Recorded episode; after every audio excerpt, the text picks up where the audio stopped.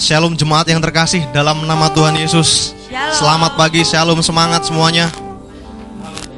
Selamat berjumpa kembali saudaraku di minggu pertama di bulan ini yaitu bulan Oktober. Tetap sukacita dan antusias saudara, amin. Amin. Karena kesetiaan Tuhan senantiasa kita alami dalam kehidupan kita. Yes. Dalam segala kondisi apa pun kita boleh datang dengan penuh gairah pada pagi hari ini. Kita menghadap Tuhan Bapa kita dan segenap kami yang di rumah Tuhan menyapa setiap jemaat Tuhan yang beribadah di rumah di mana pun kau berada. Mari bersama-sama kita hampiri Tuhan Allah kita. Kita bersyukur punya Allah Bapa seperti Tuhan kita Yesus Kristus. Dia Bapa yang terbaik. Sejauh apa pun kita telah pergi, hanya kembali padanya, dekat dengannya, menjadi satu tempat yang paling nyaman, paling aman bagi setiap kita. Mari pada pagi hari ini setiap kita menghampiri Tuhan kita dengan satu kerinduan yang sama. Kita menyatakan syukur kita dan kita mau berkata pada Bapa kita, hanya dekat dengan Engkau ya Bapa. Itu kerinduan kami. Hanya dekat denganmu Tuhan. Ada kekuatan yang kami terima. Kami alami senantiasa. Kami bersyukur sepanjang hidup kami. Kami alami kesetiaan Tuhan. Kami nyatakan syukur kami pagi hari ini ya Bapa. Kami menaikkan pujian penyembahan kami. Lahir dari hati kami. Keluar melalui suara kami yang terbaik hanya bagi namamu. Terima kasih Bapak, terima kasih. Ini kami segenap umatmu. Kami menyatakan pujian kami. Syukur kami hanya bagi namamu. Mari jemaat Tuhan Bersama-sama kita angkat pujian kita. Kita mau katakan hanya dekat padamu Bapa. Dekat Allahku Rasa tenang hatiku. Kau sertai jalanku. Sepanjang hidupku. Amin Tuhan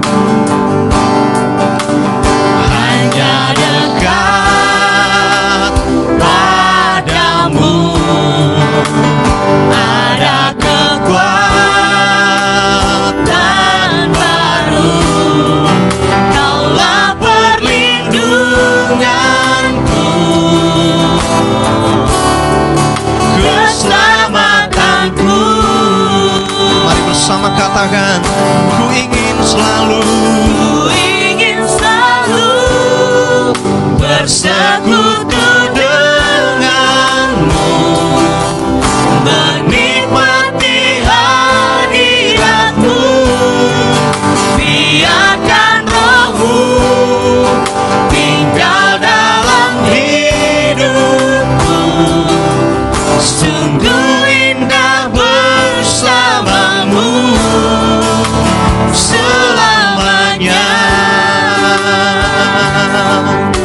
Tuhan, sungguh sangat indah bersama Kau Tuhan. Hanya dekat denganmu Bapa. Ini pujian penyembahan kami. Kerinduan setiap kami umatmu Tuhan. Kami bawa, kami bawa yang terbaik di hadapanmu. Mari semua Tuhan kita angkat pujian kita dari awal kembali. Hanya dekat Allahku. Haleluya. Hanya dekat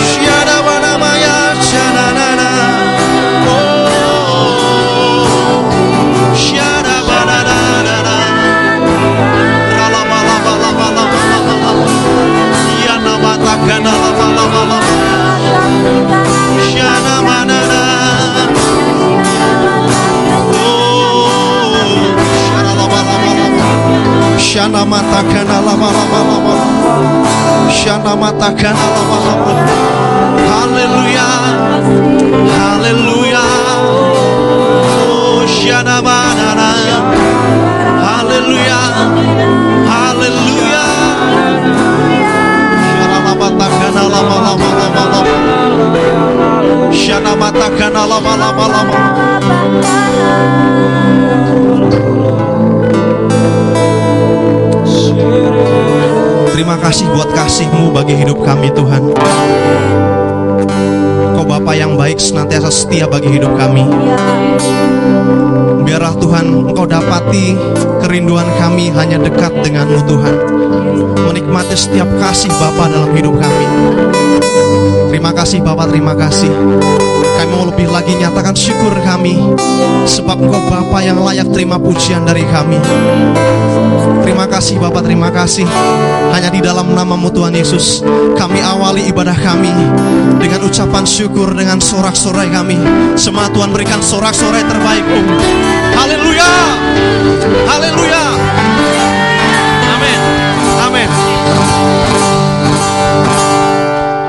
Berikan tos kiri kananmu. Siap berantusias bagi Tuhan. Haleluya. Yuk, bertepuk tangan buat dia.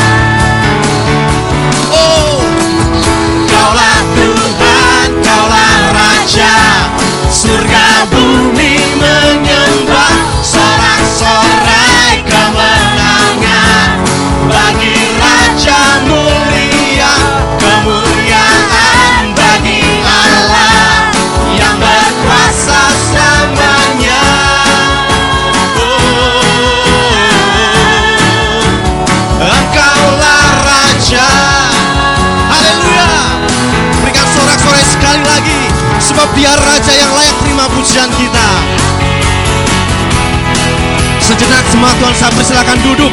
Kita mau angkat pujian kita dari awal. Kita mau katakan Raja mulia, Allah pemenang. Yo. Raja mulia.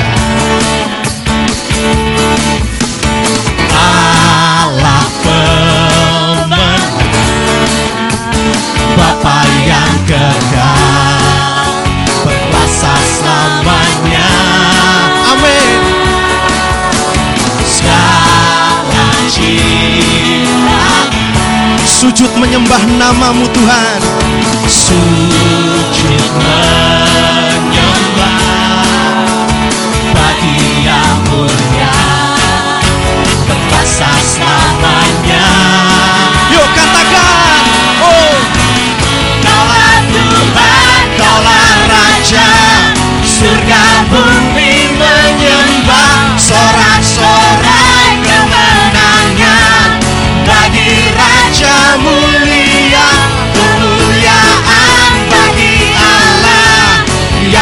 berkuasa selamanya.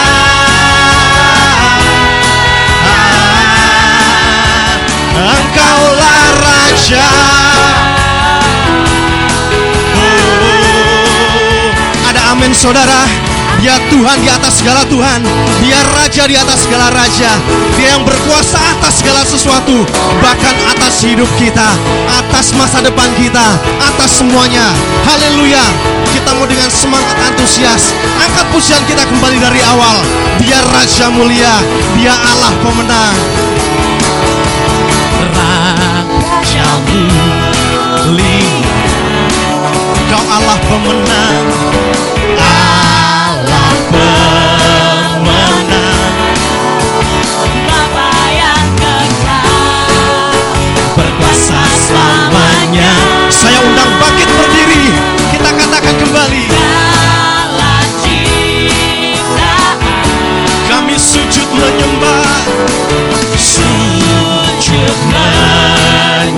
paz.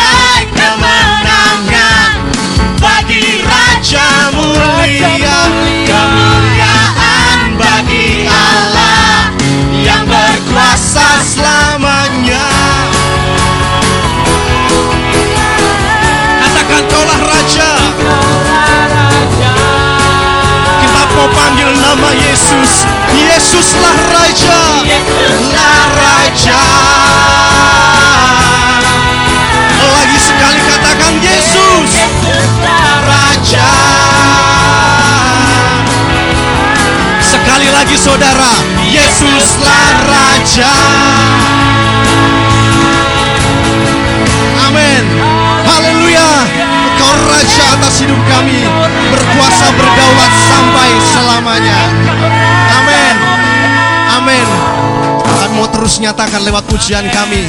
Engkau Tuhan yang ajaib dan mulia.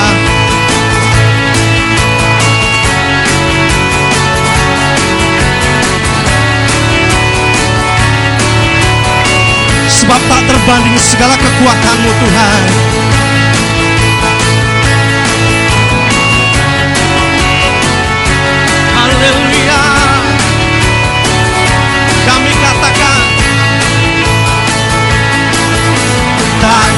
sayang kebesaranmu dan tak terbanding kekuatanmu Tuhan.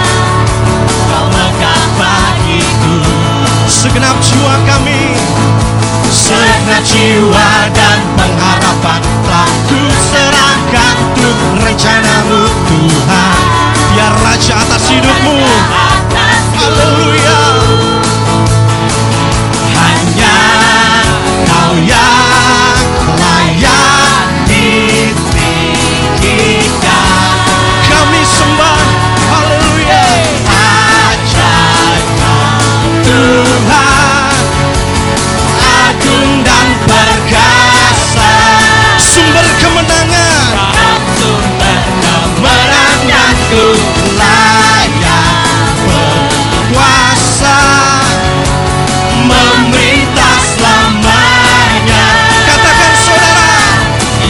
Yesus kaulah Raja mulia. Amin. Kami mau terus nyatakan dan serukan Tak terbayang segala kekuatanmu. Kau yang berkuasa Engkau yang ajaib Tuhan. Tak terbayang kebesaranmu Dan tak terbanding kekuatanmu Tuhan. Kau megah bagiku. Ini segenap hidup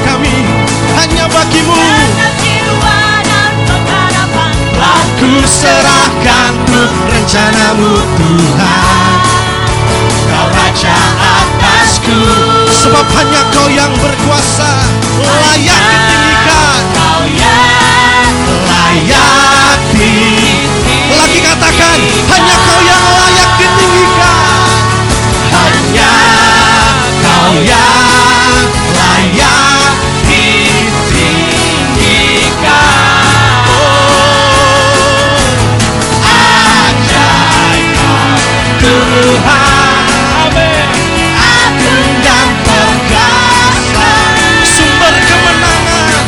sumber kemenanganku Engkau yang berkuasa memerintah selamanya Yesus kaulah Raja mulia. Ajaiblah segala perbuatanmu atas hidup kami Tuhan. Kami nyatakan sorak-sorai kemenangan. Kami kan selang kemenangan darimu. Kami kan terima setiap penggapan janji Tuhan Atas hidup kami. Haleluya. Kami mau katakan sekali lagi Ajaib namamu. Ajaib kau Tuhan Agung dan perkasa Ya sumber kemenangan kita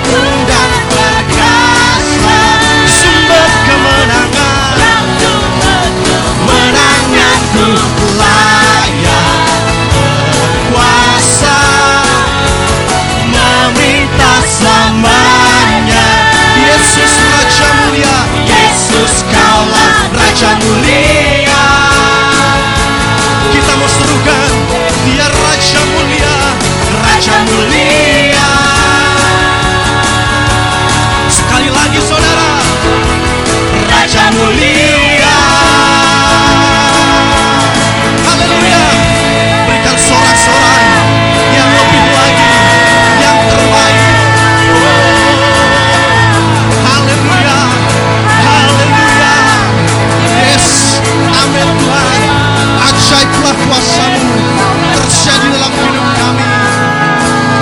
Amin Amin Terus kami nyatakan ajaib namamu Berkuasalah namamu atas hidup kami. Shikaralabatakan alawalabas.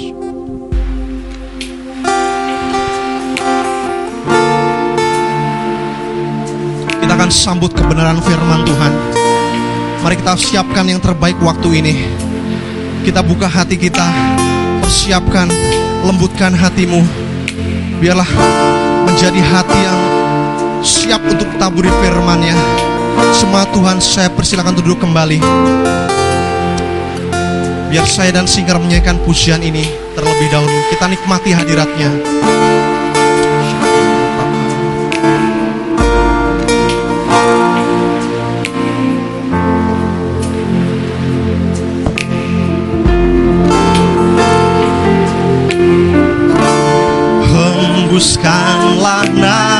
Nafasmu penuhiku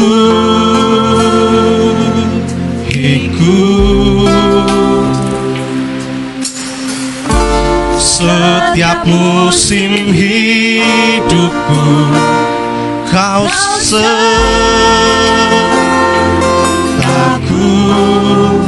Ku arahkan mataku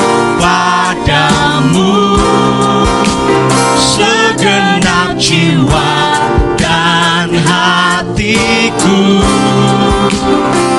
Berseru Yesus Kau di dalamku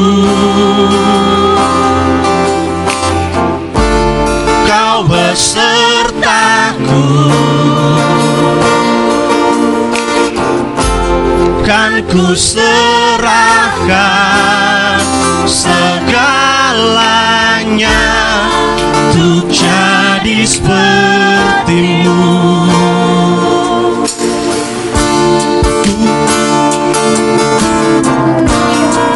Terima kasih Tuhan buat waktu ini.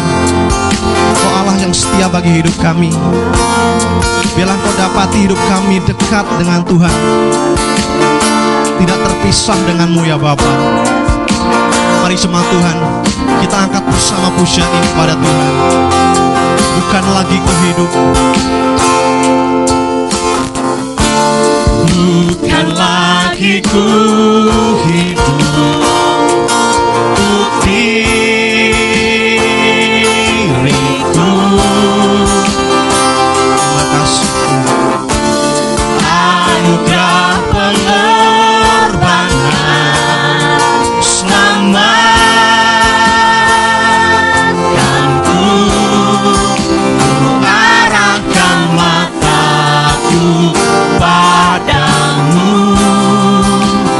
certain knocked you out.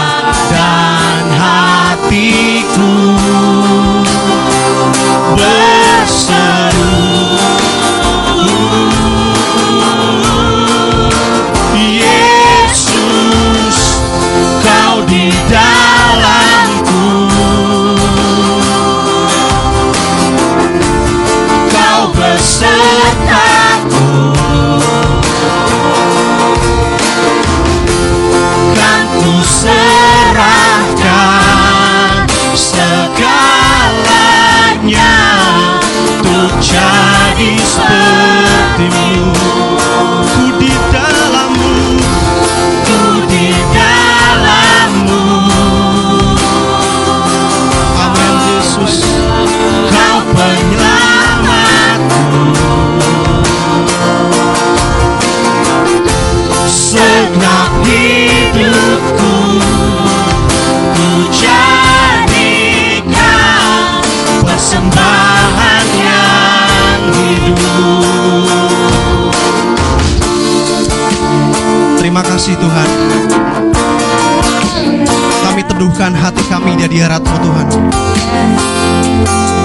Kami mau berkata di hadapanmu.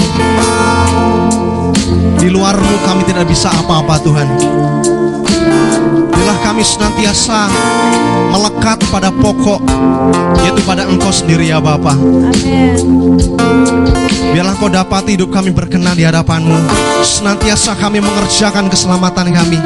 Hidup kami berbuah, berbuah, berbuah dan berbuah lebat Amin. bagi kemuliaan namamu Tuhan. Amin. Biarlah kami menyerah di hadiratmu Tuhan. Yes. Ya. Sebab hidup kami bukan lagi tentang diri kami. Ya. Biarlah hidup kami menceritakan kemuliaan nama Tuhan. Ya. Jemaat Tuhan saya undang bangkit berdiri. Kita mau katakan bukan lagi ku hidup.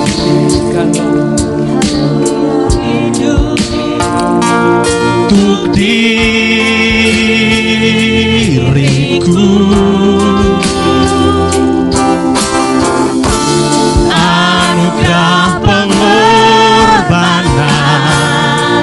Selamatkanku Ku arahkan mataku padamu.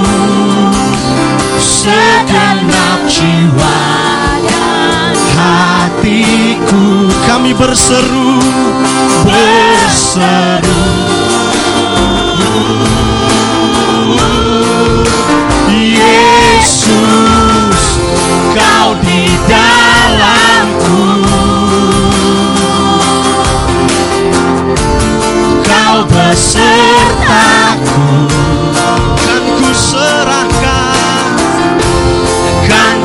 ku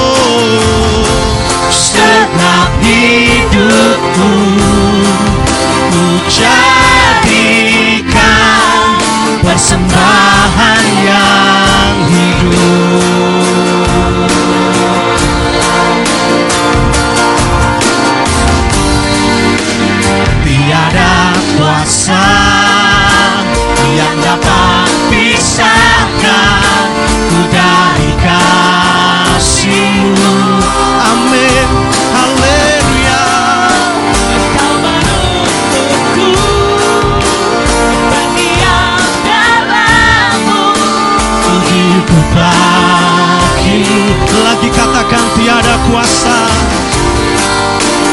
Tiada kuasa yang dapat pisahkan ku dari kasihmu.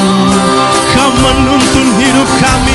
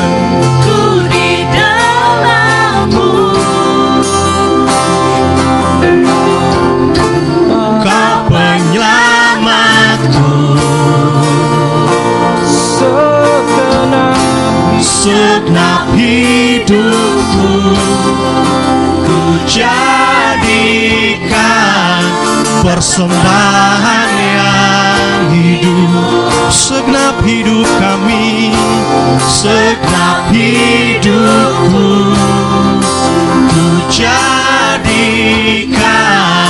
persembahan yang hidup. Karena lama takkan lama, ini hidup kami bagi namamu bagi kemuliaanmu Tuhan. Berkuasalah atas kami. Lama lama lama lama lama nama. Lama lama lama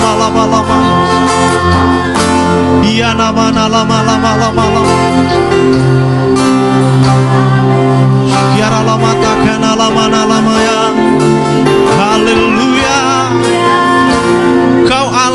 yang setia. Oh Syara lama lama lama lama lama lama lama lama lama lama Lama lama lama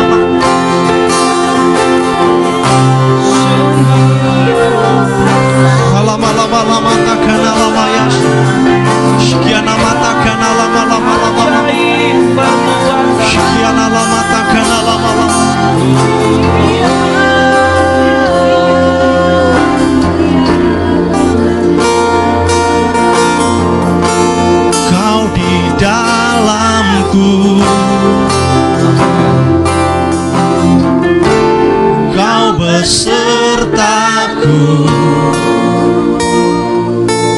selanjutnya saya serahkan kepada Pak Gembala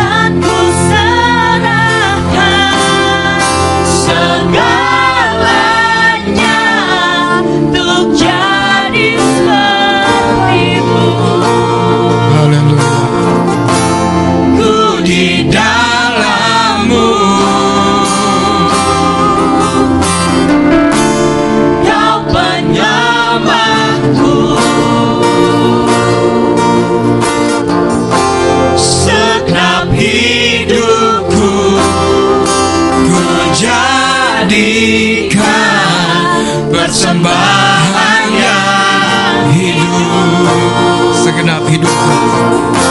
Segenap hidupku Ku jadikan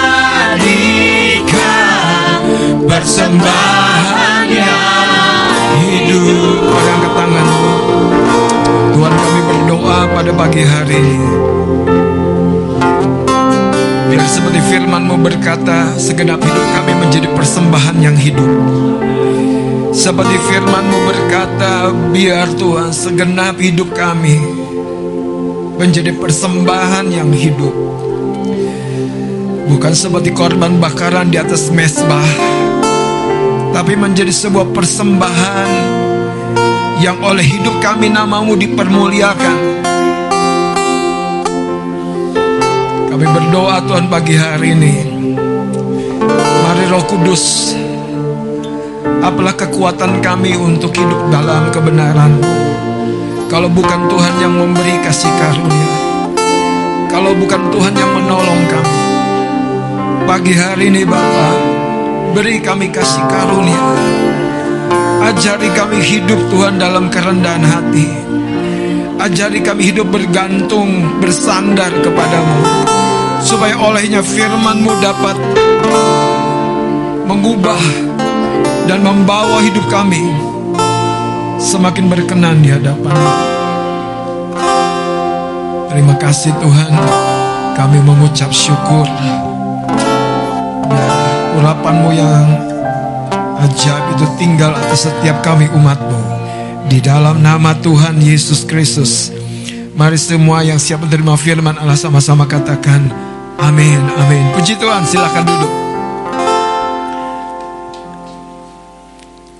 Saudara, hidup kita akan kita jalani dalam berbagai-bagai eh, keadaan yang sering kali tidak menjadi sebuah kondisi yang ideal. Dan bahkan dalam keadaan-keadaan yang kita lewati itu kita bisa berkeluh kesah di hadapan Tuhan karena sepertinya hidup ini tidak berpihak kepada kita. Tetapi justru itulah kita perlu menjalani hidup ini dengan iman. Kitab Habakuk berkata bahwa orang benar akan hidup oleh percayanya. Terlalu banyak hidup yang tidak ideal, betul ya? Iya. Terlalu banyak. Terlalu banyak. Salah satu hal yang kita terima di doa malam, kalau kita memiliki semangat, saudara, semangat yang dimaksud itu adalah ketika hati kita terhubung dengan Dia Tuhan kita yang menaruhkan rohnya di dalam diri kita. Semangat yang tumbuh, yang bekerja di dalam diri kita. Itu memberi kemampuan untuk memikul beban, penderitaan, kesulitan dalam sebuah proses di mana Tuhan sedang membawa kita kepada rencananya yang terindah terbaik. Sayangnya bangsa Israel saudara tidak demikian. Bangsa Israel menjadi terbiasa dengan komplain, terbiasa dengan mengeluh, terbiasa dengan mencari sebuah ritme kehidupan yang mudah pilihan-pilihan yang mudah. Itu yang membuat ketika Tuhan sedang membawa umatnya itu keluar dari tanah Mesir, Tuhan terpaksa tidak membawa mereka melewati negeri orang Filistin. Kenapa? Sekalipun negeri lewat jalan negeri orang Filistin itu jalan yang paling dekat. Tuhan bukan tidak tahu jalan, saudara. Demikian pula dengan hidup kita. Cuman yang menjadi kendala adalah Alkitab berkata, kalau Tuhan menuntun umatnya lewat sana, umat Tuhan yang baru saja keluar dari Mesir ini akan segera saudara bersungut-sungut begitu rupa dan mempersalahkan banyak hal termasuk mempersalahkan Musa pemimpin umat Tuhan, mempersalahkan Tuhan yang membawa mereka keluar dan mereka hendak balik lagi kepada kehidupan lama mereka. Itu sebabnya saudara saya percaya bahwa kesulitan-kesulitan dan tantangan yang kita hadapi tidak berlebih-lebihan. Teristimewa ketika Anda menyadari bahwa Anda sedang berjalan bersama dengan Tuhan. Tapi kalau kesulitan itu datang akibat kesalahan kita, nah kita perlu bertobat. Haleluya. Amin. Karena buat Tuhan saudara, poinnya itu bukan besar kecilnya kesalahan. Tapi kalau hati kita tidak menyadari di mana kita, bahwa kita telah keluar dari kasihnya, itu yang paling serius di hadapan Tuhan. Kenapa saya katakan demikian? Saudara si bungsu dalam Lukas pasal 15 itu, ketika kembali ke rumahnya, berjumpa dengan bapaknya yang memberikan warisan kepada si bungsu ini dan bungsu ini keluar dari rumah ke negeri yang jauh dan hidup hanya menghabiskan apa yang dia punya itu. Kakaknya sulung udah ngomel-ngomel, udah marah, tapi ayahnya beda.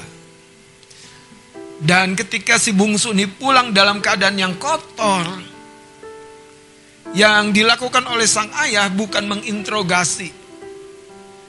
Yang dilakukan oleh ayah bahkan bukan mendowngrade status si bungsu, bukan dia tidak bilang mulai detik ini kamu bukan anak lagi. Enggak. Sekalipun si bungsu memohon seperti itu. Jadikan aku hamba. Itu jenis doa yang tidak akan dijawab oleh Tuhan. Tuhan justru bilang gini. Bapak itu yang adalah gambaran Bapak di surga berkata kepada bujang-bujangnya. Atau pembantunya. Ambilkan baju yang terbaik. Tidak lebih tidak kurang. Ambilkan baju jubah yang terbaik ambilkan cincin, ambilkan kasut. Tuhan tidak punya yang kurang baik. Dalam konteks ini kita harus paham definisinya. Bukan karena kedagingan kita yang terbaik itu seperti ini, seperti itu. Nah apa yang coba saya sampaikan jadi begini saudara. Yang paling mendasar dari kehidupan kita di hadapan Tuhan. Sekali lagi saudara. Yaitu sikap hati kita. Nah, saya mau berbicara tentang doa. Dalam kekristenan kita, topik tentang doa itu tidak habis-habisnya karena memang ini salah satu pilar yang paling penting kita pahami dan kita hidupi kebenaran-kebenarannya. Buka Lukas pasal yang ke-18. Tema kita doa orang yang biasa. Saudara mungkin berpikir kalau doa Pak Pendeta pasti chest plank, doa orang tertentu pasti luar biasa. Apalagi kalau dia berdoa pakai segala aksesoris yang sepertinya menggambarkan sebuah kehidupan yang berkenan, kudus, suci di hadapan Tuhan dan Tuhan pasti mendengar doanya. Saudara, mari kita lihat justru dalam konteks ini Yesus memakai sebuah cerita bahwa dia mendengar doa pemungut cukai. Siapa pemungut cukai? Orang berdosa. Mari kita akan buka Lukas 18. Setelah Lukas 18 ini pelajaran tentang doa dimulai dari ayat yang pertama supaya kita tahu kronologisnya. Tuhan Yesus berkata begini, Yesus mengatakan suatu perumpamaan kepada mereka untuk menegaskan bahwa mereka harus selalu berdoa dengan tidak jemu-jemu. Jadi kalau Anda sudah berkata, aku om, waduh, om bisa lihatlah absensiku di ruang doa.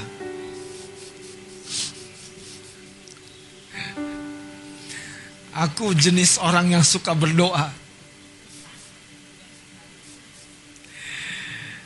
Dan itu puji Tuhan, saudara. Masalahnya adalah kita akan lihat di sini nanti. Yang pertama, Tuhan menegaskan untuk selalu berdoa dengan tidak jemu-jemu. Padahal ini tantangannya ya. Kalau mau berdoa belum ada jawaban, mau berdoa belum ada jawaban, jadi lemes. Kok abang tahu? Iyalah, kita kan sama manusia. Saudara, dalam cerita ini, perikop yang pertama nih, Tuhan berkata begini, Tuhan menceritakan sebuah cerita yang menarik. Lihat saudara, ayat tiganya langsung. Dan di kota itu ada seorang janda yang selalu datang kepada hakim itu dan berkata, belalah aku terhadap lawanku. Selalu datang, selalu datang. Beberapa waktu lamanya hakim itu menolak, tetapi kemudian ia berkata dalam hatinya, walaupun aku tidak takut akan Allah dan tidak menghormati seorang pun, namun karena janda ini menyusahkan aku, baiklah ia aku membenarkan. Baiklah aku apa? Membenarkan. Baiklah aku membenarkan dia. Saudara, waktu Yesus menyampaikan cerita ini, para pendengar dalam konteks di mana Yesus sedang menyampaikan cerita tentang perumpamaan hakim, yang tidak benar ini tidak semuanya setuju. Tidak semuanya setuju. Ada juga orang yang berpikir, kenapa aku perlu dibenarkan? Mari kita lanjutkan saudara. Ayat yang ke-9 sekarang. Perumpamaan tentang orang Farisi dengan pemungut cukai dan kepada beberapa orang yang menganggap dirinya benar dan memandang rendah kepada semua orang lain, Yesus mengatakan perumpamaan ini. Perhatikan baik-baik ya. Ada dua orang pergi ke bait Allah untuk berdoa. Yang seorang adalah Farisi dan yang lain pemungut cukai. Orang Farisi itu berdiri dan berdoa dalam hatinya begini, "Ya Allah, aku mengucap syukur." Doanya bagus, saudara. Diawali dengan ucapan syukur. Cuman ternyata dalamnya ini lain. Dia mengucap syukur dengan membanggakan kesalehannya. Saya baca ya. Karena aku tidak sama seperti semua orang lain. Bukan perampok, bukan orang lain, bukan bezina, dan bukan juga seperti pemungut cukai ini. Ini di dalam satu gereja nih.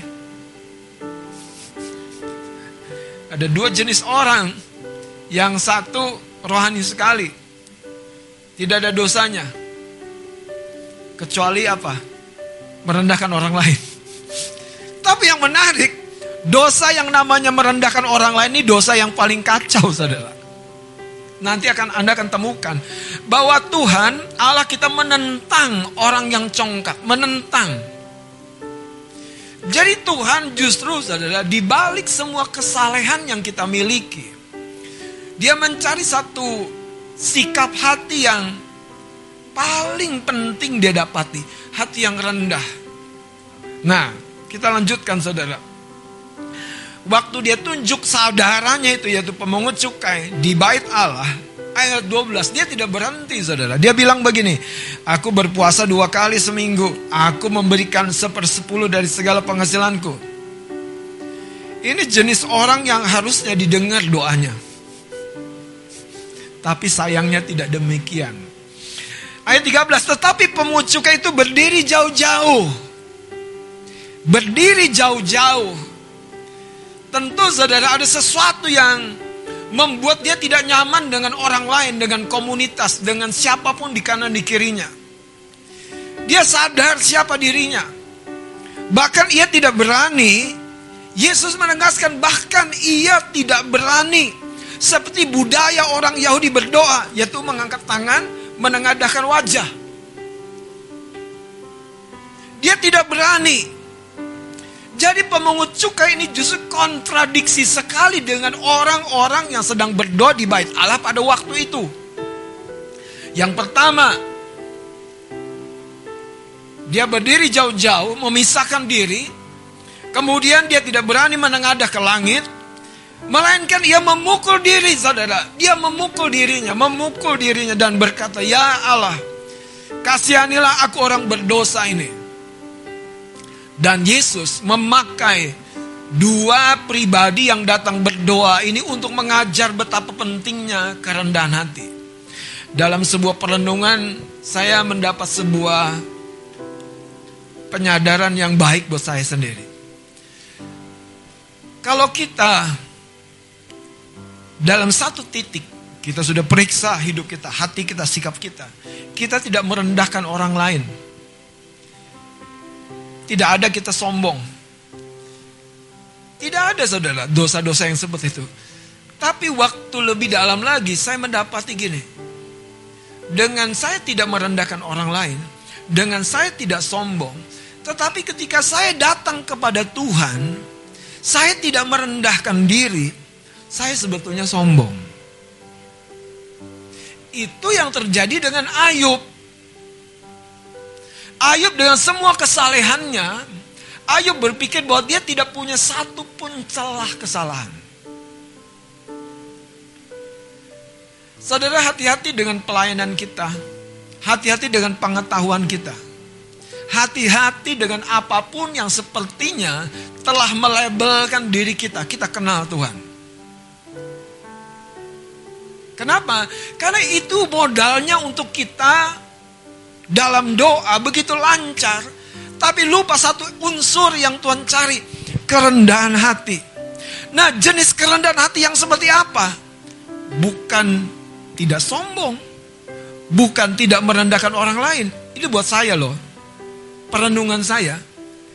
Yaitu jenis kerendahan hati di mana di dalam semua kebenaran, di dalam semua hal yang baik, di dalam semua pengorbanan yang saya berikan orang lain. Ketika saya datang kepada Tuhan, patutlah saya tetap merendahkan diri. Pertanyaannya, bagaimana cara Anda merendahkan diri? Kalau Anda tidak tahu siapa diri Anda, jahatnya hati ini, kompleksnya hati ini, lika-likunya hati ini, sebentar mikir begini, sebentar mikir begitu. Sebentar kita lakukan yang baik, sebentar kita tidak lagi melakukan yang baik. Sebentar kita memberi nasihat, sebentar kita mengumpat. Itu sebabnya kitab Yeremia berkata betapa liciknya hati. Kekasih-kekasih Tuhan. Saya mau kasih tahu. Di sinilah Yesus sedang mengajar satu prinsip doa yang paling dasar Doa apa saudara? Doa menaruh hidup kita di dalam tangan Tuhan dalam semua kemahaannya. Jadi apalagi yang kita mau sembunyikan? Banyak orang, aku nggak sembunyikan apa-apa sih di hadapan Tuhan. Tapi dia tidak mau mengekspos dirinya. Apa kelebihannya si pemungut cukai dalam cerita ini? Dia mengekspos dirinya. Anda paham kata-kata saya? Dia mengekspos, dia mengungkap dirinya. Inilah yang Raja Daud punya waktu dia jatuh dalam dosanya. Dia mengekspos Sampai dia menulis Mazmur yang begitu terkenal itu. Jangan buang aku dari hadapanmu. Jadikan aku bagian keselamatanmu. Dan baharuilah hatiku. Saudara, ketika pemungut cukai ini berkata, kasihanilah aku orang yang berdosa ini. Itu yang justru aneh. Tuhan membenarkan sang pemungut cukai keluar dari rumah Tuhan. Saudara, jangan sebatas termotivasi untuk berdoa. Kalau bicara doa itu bicara hati. Bukan sekedar tekad, bukan sekedar semangat. Bukan sekedar rutin dan jadwal, continue, konsisten, bukan. Tapi bicara hati, itu bicara satu kesadaran yang di dalam. Aku ini tadi nggak bayar parkir loh. Cepat minta ampun saudara. Kalau Anda dengan nasihat pemimpin Anda untuk melakukan sesuatu yang benar dan Anda tidak segera melakukannya. Anda mengabaikannya dengan berbagai alasan. Saya mau kasih tahu, jenis hati seperti apa yang kayak gitu. Tentu Anda punya argumen. Tapi sayangnya saudara, di situlah sebetulnya yang Matius 5 katakan begini, berbahagialah orang yang hatinya lembut, dia akan memiliki bumi. Saudara hati yang lembut itu hati yang tidak punya pertentangan. Dia bisa mendengar sedalam-dalamnya hati nuraninya. Karena tidak ada korslet di dalamnya. Tidak ada lagi kepentingan yang bertubrukan di hatinya. Kenapa? Karena dia sadar yang terlebih penting adalah apa yang diinstruksikan kepadanya. Mantap gak? Dan itu tidak mudah saudara. Sekali lagi, yang terlebih penting itu adalah apa yang diinstruksikan kepadanya. Wow saudara, kayaknya terlalu tinggi ya. Coba anda nih hari ini, anda datang ke baktian sini. Terus tiba-tiba saya minta tolong contohnya Karut aja. Karut lagi pegang multimedia.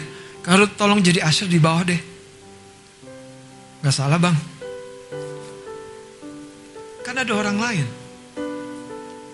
Kok abang suruh aku? Aku kan ada tugas. Saudara kalau hati kita lembut, itu di situ ada kuncinya. Kita tuh tidak ada pertentangan.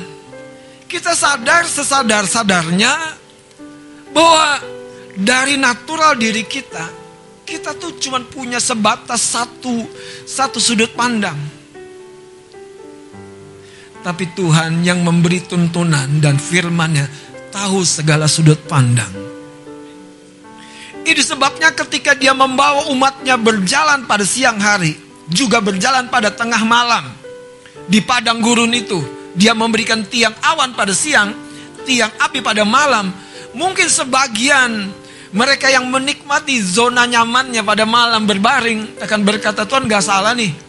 Aku selesai bekerja masa engkau suruh aku bergerak lagi.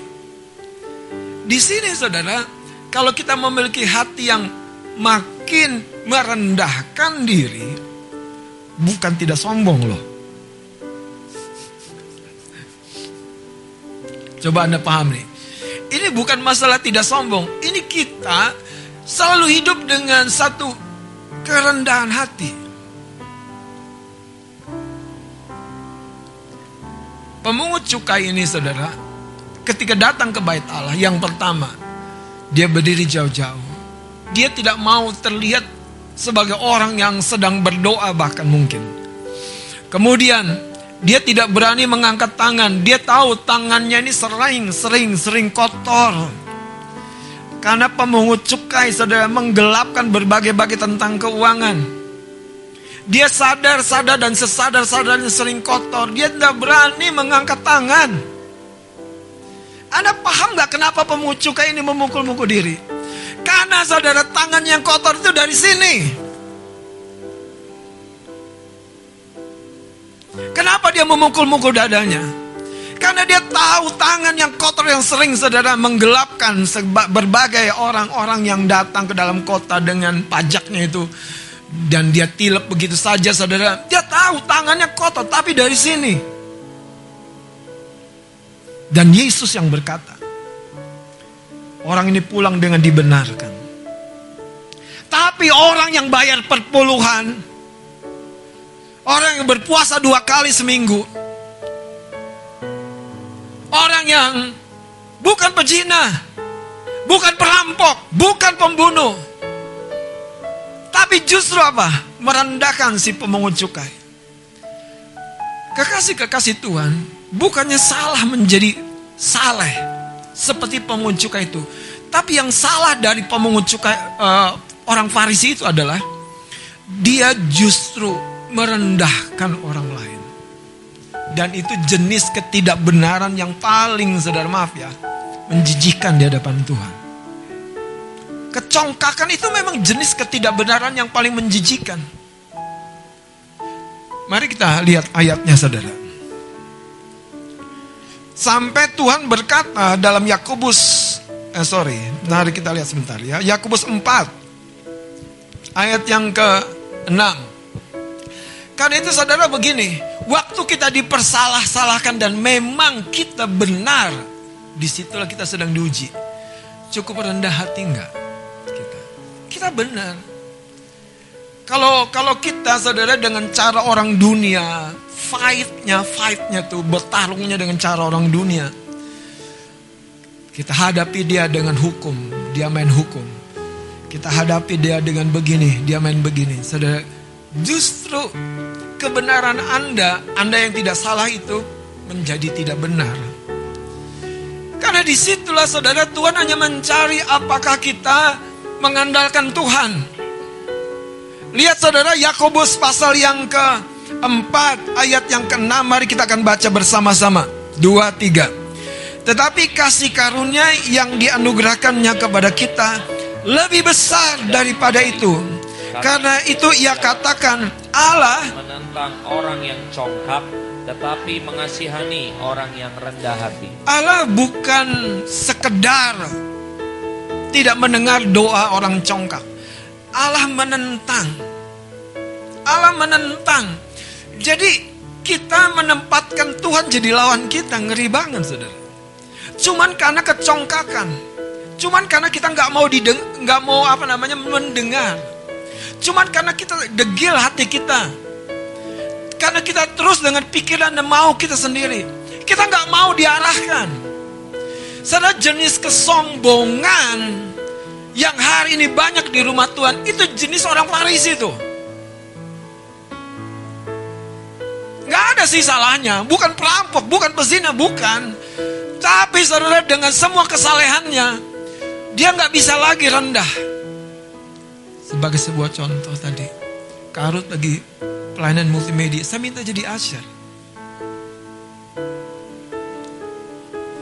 Tapi memang benar kok saudara ujiannya. Anda punya mimpi, punya cita-cita, kumpulkan sesuatu. Terus ada keluargamu, ada orang lain yang Tuhan gerakkan di hati Anda. Nah, ini waktunya kamu menabur. Tapi engkau berlawan-lawanan. Nanti gimana, nanti gimana, nanti ke... Itu yang saya maksud. Hatimu tidak cukup lembut. Karena selalu ada konflik di sini. Ini bukan hanya masalah kebutuhan loh. Nanti saya mau kasih tahu saudara. Salah satu virus yang paling menyakitkan yang membuat orang tuh hatinya jadi keras itu yang namanya kekhawatiran. Khawatir.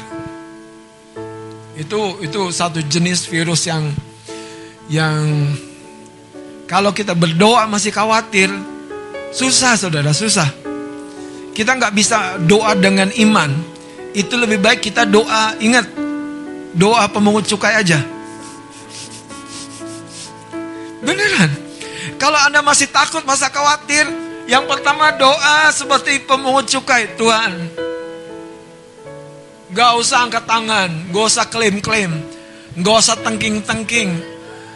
Gak usah saudara, tobat aja dulu. Anda pikir tobat itu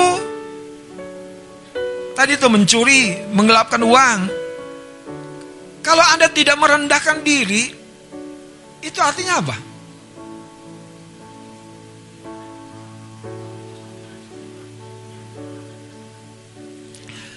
Saudara, dengerin ya. Apa yang Yesus sampaikan ini kenapa menjadi serius? Karena sebetulnya akar banyak masalah hati orang itu di situ. Susah dituntun, susah dibimbing, selalu punya argumen. Dan hati yang seperti itu saudara, selalu konflik. Sekarang lihat saja dalam kitab Matius pasal yang kelima.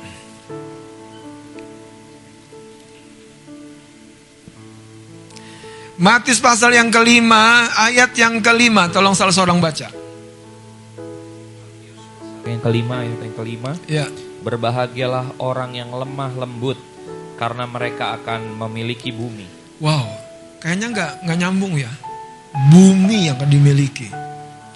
Tapi modalnya apa, Mas Kris? Hati yang lemah lembut ya. Modalnya apa? Bukan ijazah.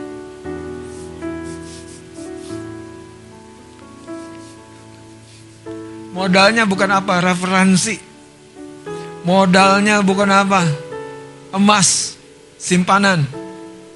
Modalnya, coba lihat, berbahagialah. Kata berbahagia ini Anda harus paham ya. Jadi betul-betul hidup orang yang hatinya lembut, yang tidak ada konflik, yang tidak ada satu pergulatan di hatinya, itu dapat mengikuti apa yang Tuhan taruhkan. Saudara, Anda teraniaya, menurut Anda kalau itu teraniaya karena kebenaran, terus orang aku nggak mau teraniaya, nah justru itu salahnya. Yang saya maksud teraniaya itu jam tidur Anda, makan Anda. Uang Tuhan gerakan puasa nggak mau puasa.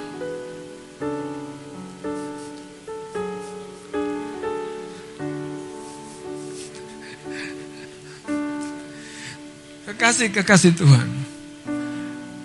Mari kita tahu bahwa buat Tuhan ya untuk membenarkan orang-orang pilihannya dalam perikop yang Yesus sampaikan tadi Lukas pasal 18. Itu sebegitu sederhananya. Sekali doa pemungut cukai itu langsung dibenarkan. Menarik nggak? Dia kasih jawaban itu, Yesus kasih jawaban itu sama orang-orang yang merasa dirinya benar. Untuk membuktikan buat Tuhan satu kunci yang membuka tahta Tuhan itu namanya kerendahan hati. Sekali lagi jangan bilang gak sombong. Jangan bilang aku gak merendahkan orang.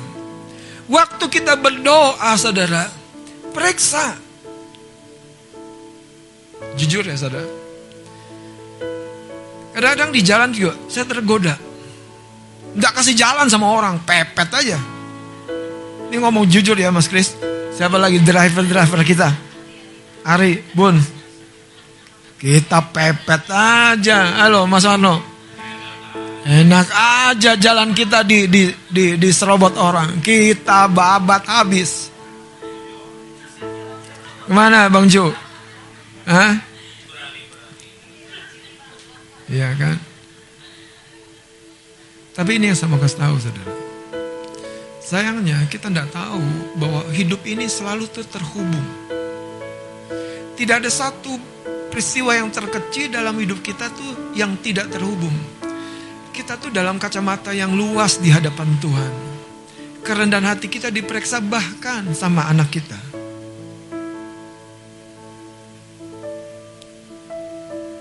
Itu tidak mudah loh. Anak kita harusnya kita jitak kan. Kita jewer kan. Kita gibeng sekalian. itu manusia daging tuh begitu saudara. Tapi kalau kita sebagai papa yang seperti Tuhan mau, justru kita harus bersedia pundak kita ini diinjak oleh anak kita untuk kebaikan dia. Menjadi jembatan dia untuk melihat masa depan.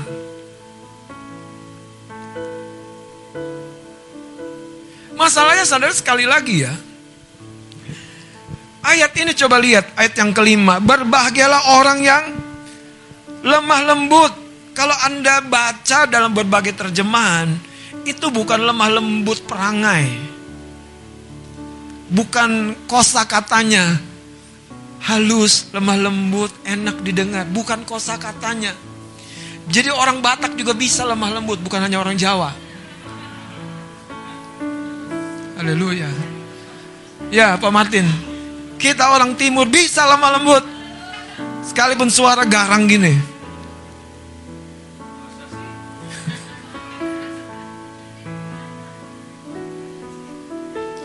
Kenapa? Karena yang dimaksud lemah lembut itu hati kita. Dan yang dimaksud hati yang lembah lembut itu hati yang mudah diarahkan. Sekali lagi dengerin saudara. Salah satu karakteristik hati yang mulai keras itu waktu kita punya banyak argumen kepada pemimpin kita. Benar. Waktu kita munculkan semua argumen dan sayangnya saudara, kita nggak nanya dulu apa alasan. Anda tahu nggak sih kenapa militer-militer itu disukai disiplinnya? Dia nggak ada kata no, yes sir. Apalagi kalau komandan yang ngomong. Itu bentuk sebuah ketaatan kepada otoritas yang membuat di militer itu sukses. Saudara, ayat 5 ini Tuhan sendiri yang berkata berbagilah orang yang lemah lembut karena mereka akan memiliki bumi. Artinya, hati kita ini menjadi sebuah media doa yang paling perlu kita bersihkan. Katakan amin.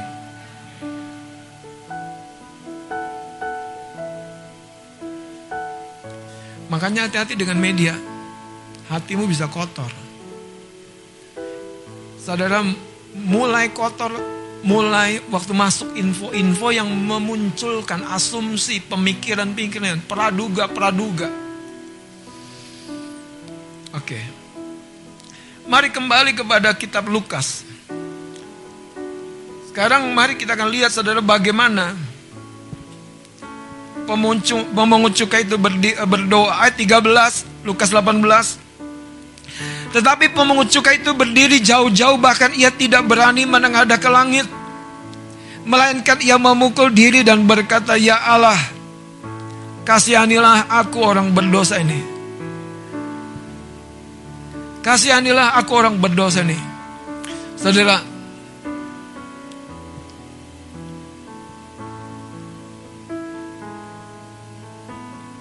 khotbah seperti ini nggak mudah.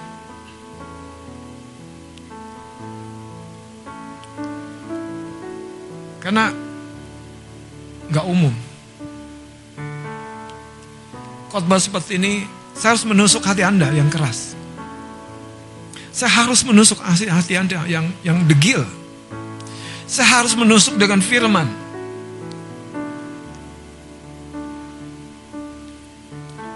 Gak mudah saudara. Dan saya harus memastikan, saya juga sendiri bersedia saudara berdiri di hadapan Tuhan dan dinilai Tuhan.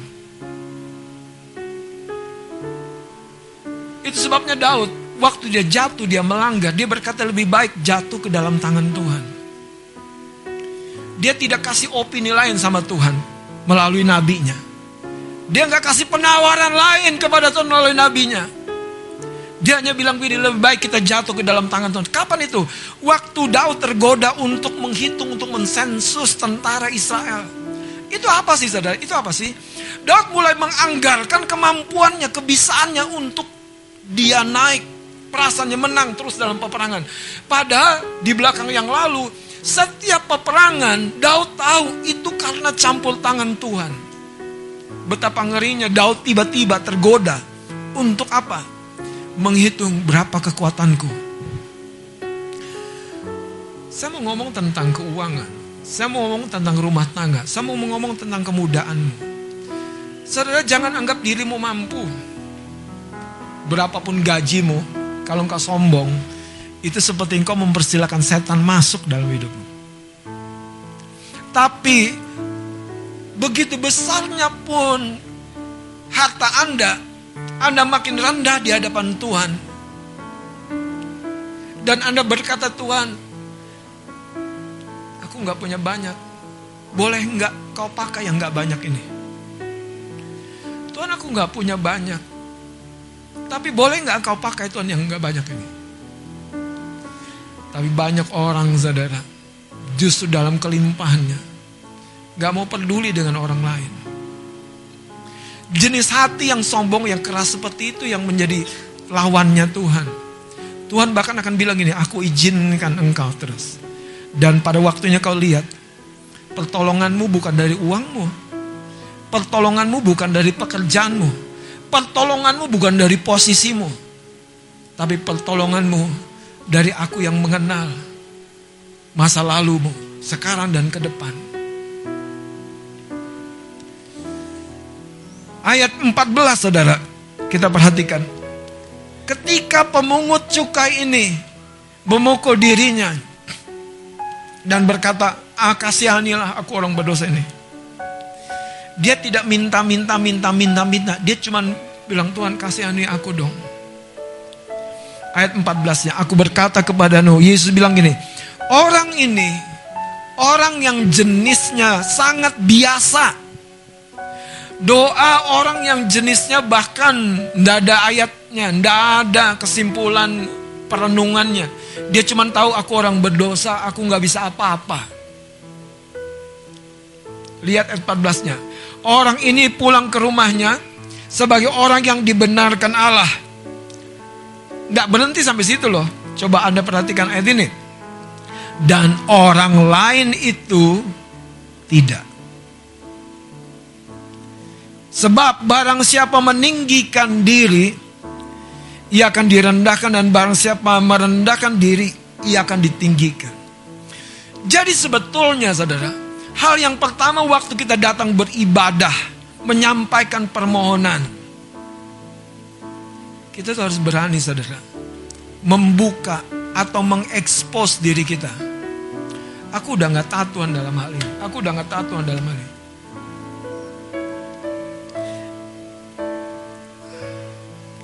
Tuhan tuh kadang-kadang saudara, apa yang namanya, sayang sama kita. Dia mau bilang gini, nak, doamu panjang sekali. Padahal yang kutunggu satu. Kamu tahu diri, minta ampun. Pemungut cukai ini sadar diri, tahu diri. Dia minta ampun kepada Tuhan dalam doanya dan berkata, Tuhan, kasihanilah aku.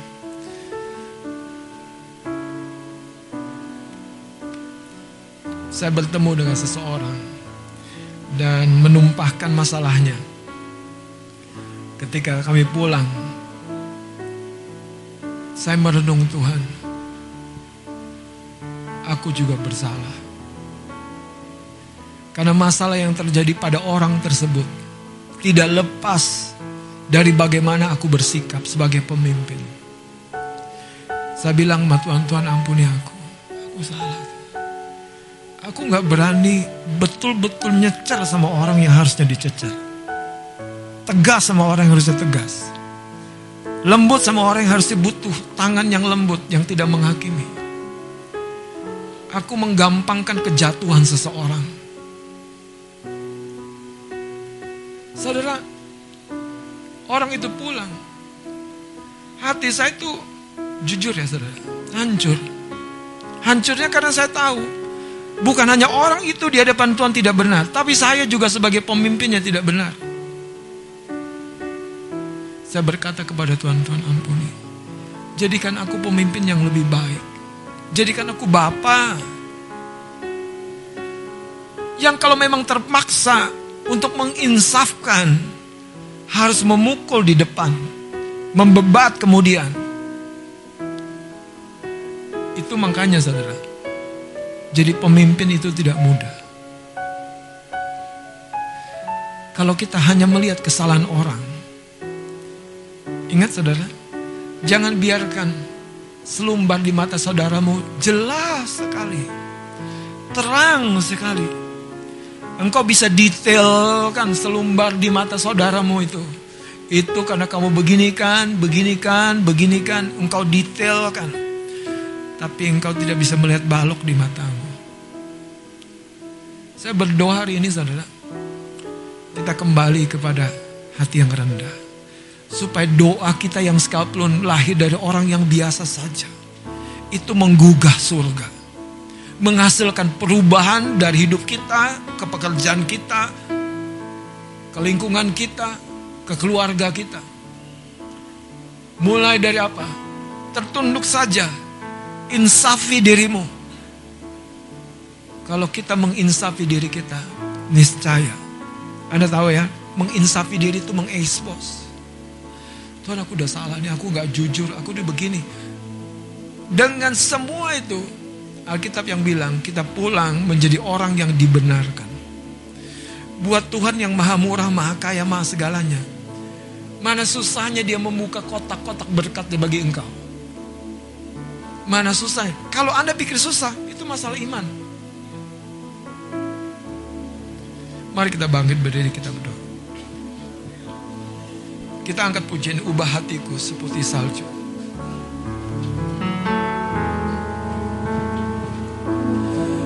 Ubah hatiku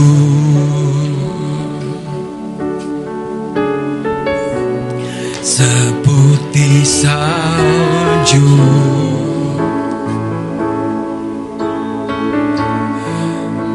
Hatiku.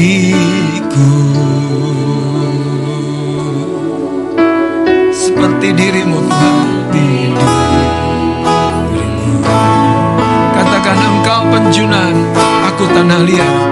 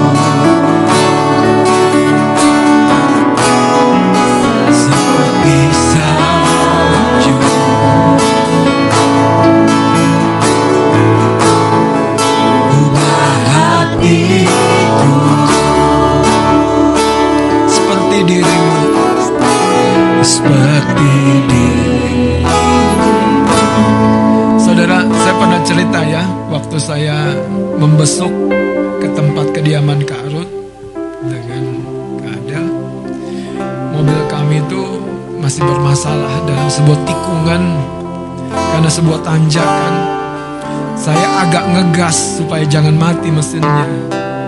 Memang mobil yang tidak beres itu menimbulkan galau di sini. Kayak ada yang ganjel. Sebetulnya itu sebuah ujian buat saya. Apakah dalam keadaan krisis saya tetap stabil, tetap rendah, tetap ya kalau orang lain bagaimana sama kita mendamprat kita di jalan memang apa untungnya kita balas saya nikung, saya udah kasih sen, saya udah kasih tangan, mobil di sana berhenti, ada sebuah motor yang tetap balap dan sambil mengumpat saya. Saya bukan orang yang gampang melontarkan kata-kata, tapi hari itu saya balesin saudara kata-katanya itu dengan pembenaran. Saya udah kasih sen, saya udah kasih tangan. Tapi peristiwa itu tidak aman-aman saja. Hati saya bergejolak, saudara. Ya saya minta ampun dalam perjalanan itu menuju tempat kami. Saya bilang gini Tuhan, ternyata ya berbagai keadaan itu akan mengekspos hati kita. Ini yang saya mau ajarin. Sebelum berbagai keadaan itu mengekspos hati kita, mari kita ekspos hati kita di rumah Tuhan. Jangan anggap dirimu kuat, saudara. Ada waktunya kalau keadaan yang mengekspos itu lebih nggak enak, lebih nggak nyaman. Tapi kalau kita di rumah Tuhan seperti pemungut cukai itu menunjukkan diri kita Tuhan ampun ya ampun. Di situ justru Tuhan benarkan kita. Tuhan tolong, Tuhan angkat kita. Saudara, Kadang-kadang kita di rumah tangga ya, istri-istri, apa nggak tergoda lihat suami malas maaf? Apa nggak tergoda ngomel? Langsung menilai-nilai. Saudara harus belajar gini. Mulut kita ini sumber masalah kalau kita tidak jaga. Karena dari hati kita akan mengalir. Kita melemparkan sampah ke atas kepala kita dan sampah itu tidak jatuh ke mana-mana. Jatuh ke diri kita sendiri. Siapa suami kita? Kepala kita. Siapa pemimpin kita? Kepala kita. Waktu kita ngomplain, maaf nih bahasa duniawi banget, ngoceh tentang pemimpin kita, kita lemparin sampah ke atas yang jatuhnya ke diri kita sendiri. Itu sebabnya Daud ketika Saul mengejar dia, hendak membinasakan dia, Daud menjaga hatinya begitu rupa nggak berani ngomong jahat tentang Saul yang sekalipun memang sudah jahat. Di situ hati kita tuh sudah diuji. Teman-teman, makanya saudara, salah satu dosa yang paling sering terjadi adalah ketidakpedulian. Sehingga kita saudara kadang-kadang ya, jadi keras hati. Saya berdoa hari ini, sebelum kita terima tubuh dan darah Kristus, boleh saya saya kasih kesimpulan. Tadi banyak-banyak kita menyadari apa yang salah, apa yang kebablasan, apa yang nggak lempeng, saudara. Kita minta ampun. Sebelum sesuatu di luar sana akan mengekspos ketidakberesan hati kita. Mari kita berdoa. Engkau penjunan ku liat. Engkau penjunan ku liat. Bentuk jadikan bentuk jadikan ini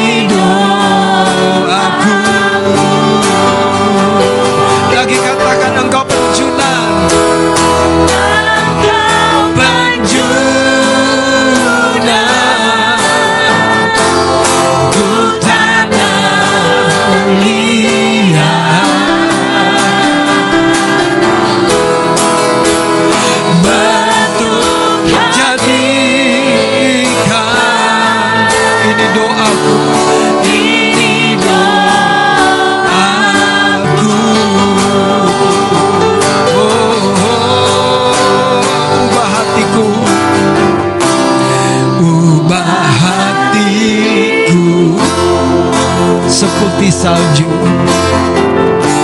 seperti salju. Ubah hatiku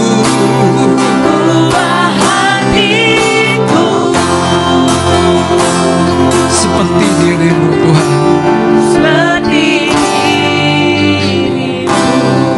Masing-masing di tempat kita ambil waktu berdoa jadikan kita ke bait Allah kita mengalami Tuhan karena kita jujur. Saudara bagaimana memeriksa indikatornya? Periksa hati kita. Kalau ada ganjelan dengan pasangan ganjelan dengan seseorang ketidaknyamanan tentang sesuatu ada sesuatu yang belum beres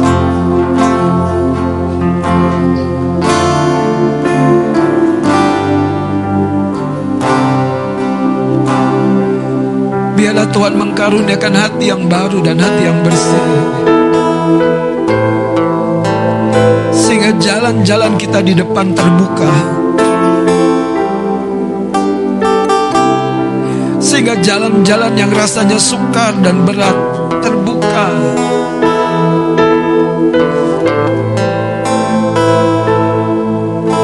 Seringkali Tuhan mau membisikkan sesuatu di hati kita bahwa yang menjadi masalah tantangan yang paling besar itu bukannya setan Tapi ketidakbenaran hati kita. Yang menjadi masalah dan tantangan bukan si jahat Tapi ketidakbenaran hati kita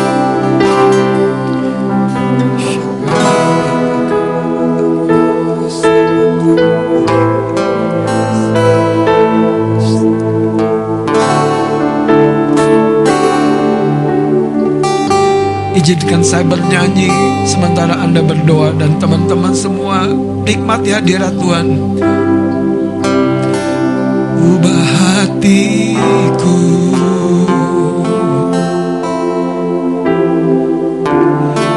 seputih salju.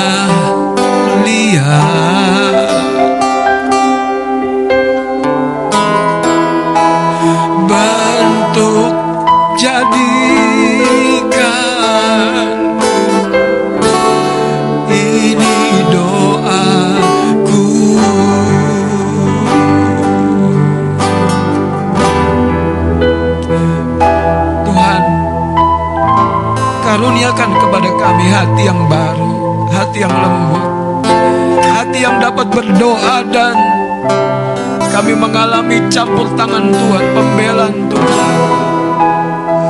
Biarlah doa kami orang-orang yang biasa ini Menjadi luar biasa. Karena kami berdoa kepada Allah yang hidup Allah yang besar Tuhan yang di atas segala-galanya. Pagi hari ini Basuh kami dengan darah Dari dosa-dosa dalam pikiran Dalam perasaan. Dari dosa-dosa kedegilan hati Kekerasan hati. Dari dosa-dosa di mana kami penuhi mulut kami dengan cemooh, komplain, sampah-sampah. Dari dosa tangan kami Tuhan melakukan hal yang tidak menghormati Engkau. Dari dosa langkah-langkah dan keputusan kami sendiri yang kami buat Dari dosa-dosa kekhawatiran Basuh kami gereja Basuh kami anak-anakmu dengan belas kasihan. Ampuni kami Tuhan.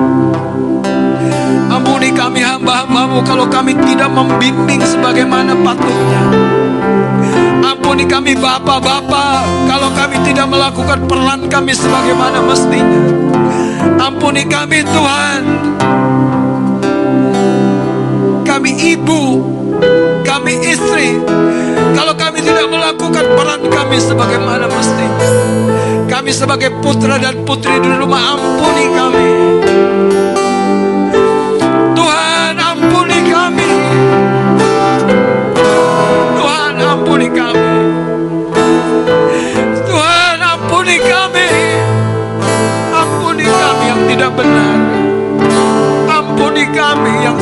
sering kali merasa benar Merasa beres, merasa aman Merasa semuanya oke-oke saja. Ampuni kami Ampuni kami para pelayan pujian penyembahan. Ampuni kami guru-guru gereja anak yang terkadang. Kami bahkan lalai membangun kerohanian kami sendiri.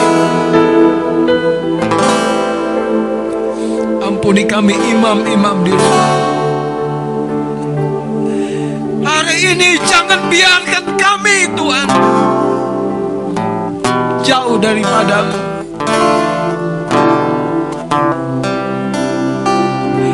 Ampuni kami. Ampuni kami yang kadang-kadang tidak bersuara. Ampuni kami yang kadang-kadang tidak peduli Tuhan. Ampuni kami yang menutup hati kami kepada saudara kami yang lainnya Ampuni kami yang sering kali kami Tuhan tidak belajar taat dan tunduk. Ampuni kami Tuhan. Ampuni kami. Ampuni kami. Biarlah kalau sebentar kami menerima cawan darahmu Bagaimana engkau tunduk dan taat kepada Bapa Ketika sebuah pikulan yang menyakitkan dari kayu salib itu ada di pundakmu Hari ini Tuhan Biarlah kami berdiri dan mengangkat tubuh dan darahmu dengan hati yang benar. Teman-teman, kalau sekian waktu engkau merasa jauh dari Tuhan, ini waktunya kau berbalik kepada Tuhan. Ikuti doa saya dengan lembut saja di hatimu. Tuhan Yesus, aku kembali kepadamu. Ampuni aku pikir aku begitu dekat. Ternyata hidupku penuh dengan ilusi. Hidupku penuh dengan anggapan-anggapan agamawi. Karena engkau mencari orang-orang yang rendah dan mengandalkan engkau. Bukan mencari orang-orang yang merasa benar dan mampu. Hari ini Tuhan, Engkau sembuhkan gerejamu, Engkau sembuhkan anak-anakmu. Sembuhkan kami. Biar ketika kami mengangkat tubuh dan darah Kristus, ada kebenaran menjadi jubah kami di dalam nama Yesus. Bapak saudara silakan duduk. Saya mengundang petugas penjaman kudus maju ke depan.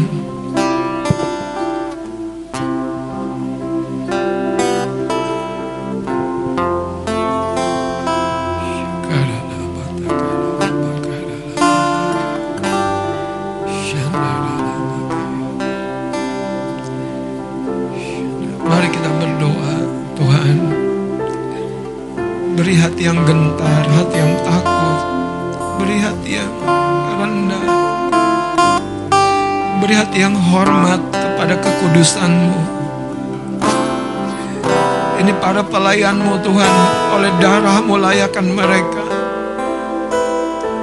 Biar mereka kau pakai Tuhan untuk menjadi alatmu membawa pesan kasih sayangmu kepada setiap anak-anakmu melalui tubuh dan dari Yesus. Aku berdoa biar darahmu, urapanmu, kuasamu menyertai kami di dalam nama Yesus. Silakan bagikan. Mari angkat kembali bersama-sama ubah hatiku. Ubah hatiku.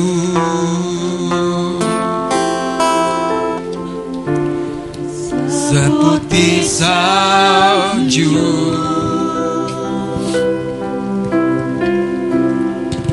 Ubah hatiku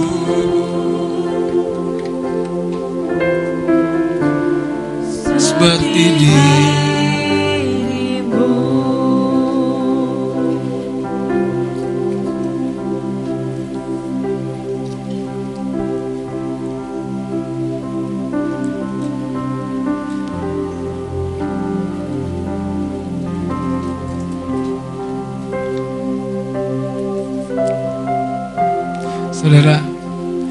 tangan saya ada cawan anggur tapi kosong.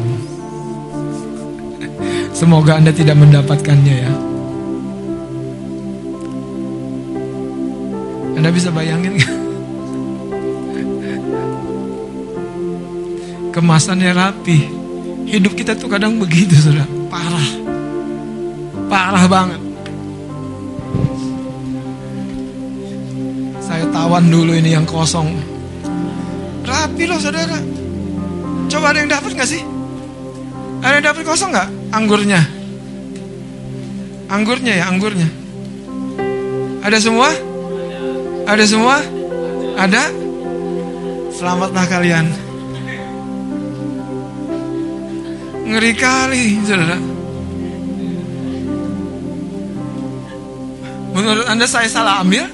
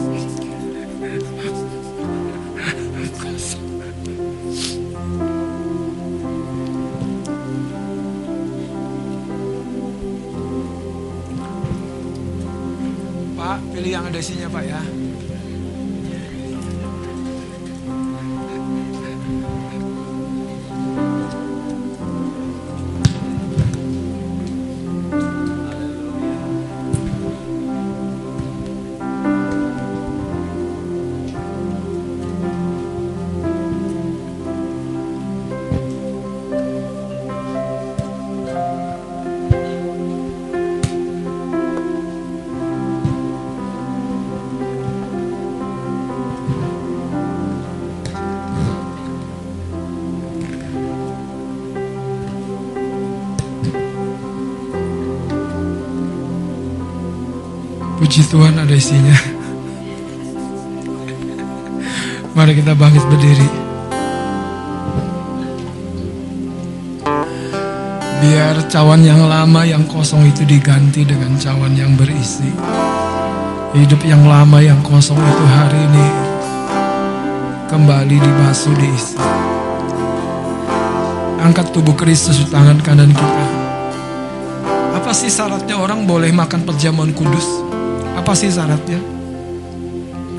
Syaratnya begitu sederhana, yaitu mereka mengakui Yesus sudah mati buatku, dia sudah tebus dosaku, dan dia sudah bangkit bagiku. Itu baru kita makan perjamuan kudus ini di hadapan Tuhan. Tuhan berkenan. Bukan masalah Anda dibenarkan dengan hidup agamawimu. Tapi hati kita saudara. Kalau hati kita sudah terhubung dengan Tuhan, kita gampang diarahkan kok. Gampang. Tapi kalau hati kita pelan-pelan menjauh, pelan-pelan mengeras, pelan-pelan kita mengesampingkan Tuhan, itu paling bahaya. Terima kasih Tuhan kami mengucap syukur untuk tubuhmu. Roh Kudus hambamu berdoa Beri keinsafan lebih dalam dan lebih dalam lagi Lebih dalam dan lebih dalam lagi. Beri keinsafan. Beri keinsafan. Sebagaimana engkau telah memberi tubuhmu sebagai korban di kayu salib Untuk menanggung dosa pelanggaran kami. Tuhan inilah hidup kami. Darahmu menyucikan melayakkan kami makan perjamuan pagi hari ini. Kami mengucap syukur untuk tubuh Kristus. Tubuh putramu yang tunggal bagi kami. Dan dengan percaya kami mau terima, kami mau makan dengan iman. Pulihkan kami, sembuhkan kami. Dan pada malam terakhir waktu Yesus duduk sidangan dengan murid-muridnya, dia mengambil roti, lalu memecahkannya dan berkata, inilah tubuhku yang diberikan bagi kamu. Perbuatlah setiap kali kamu memakannya menjadi peringatan akan aku. Terima kasih Yesus. Kami mau makan dengan percaya dalam nama Yesus. Mari makan sama-sama.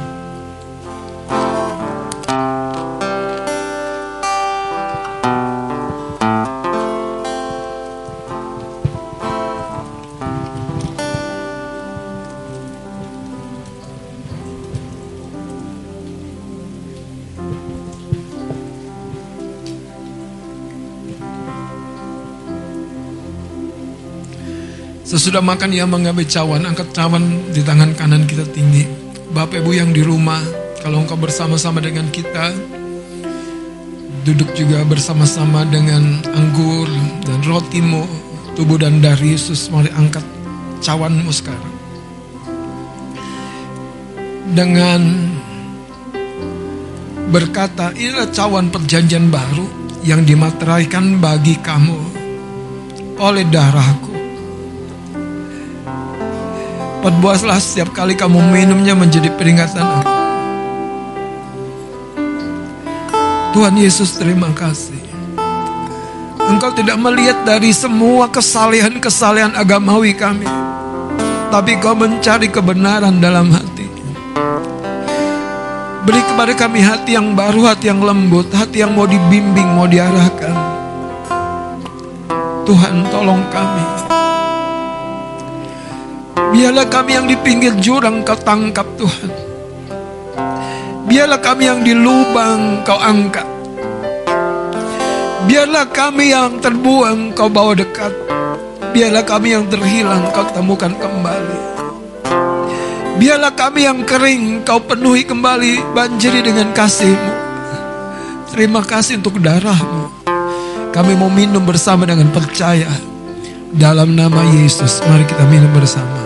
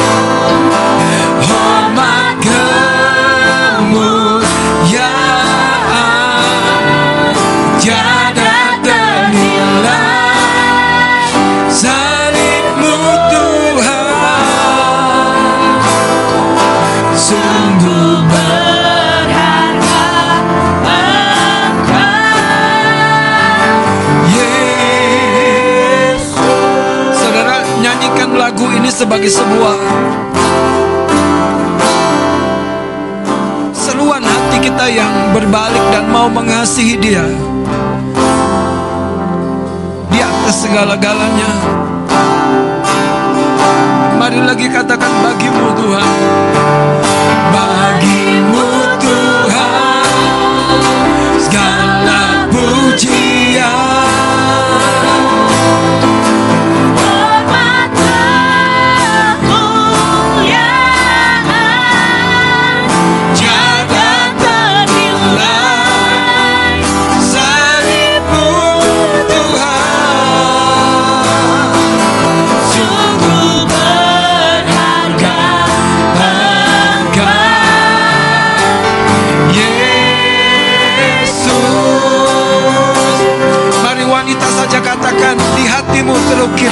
aku di hatimu.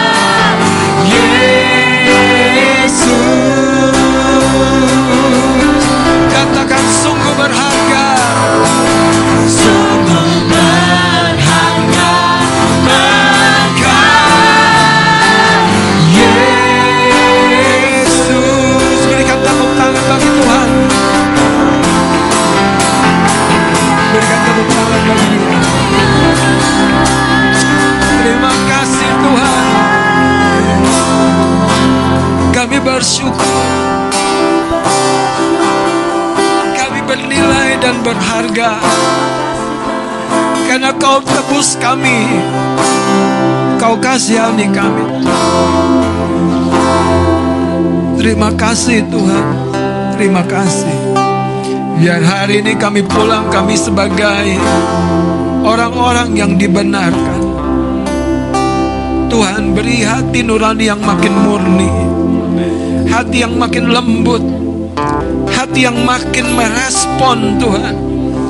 Sehingga kami tahu bahwa Engkau mengasihi kami dengan sempurna. Tidak lagi ada jalan tertutup bagi orang-orang yang berjalan bersama dengan Tuhan dalam kebenaran, dalam iman. Kami mengucap syukur di dalam nama Tuhan Yesus Kristus sama-sama katakan amin. Amin. Bertepuk tangan bagi Tuhan Yesus. Silakan duduk Bapak Saudara dikasih oleh Tuhan. Waktu selanjutnya saya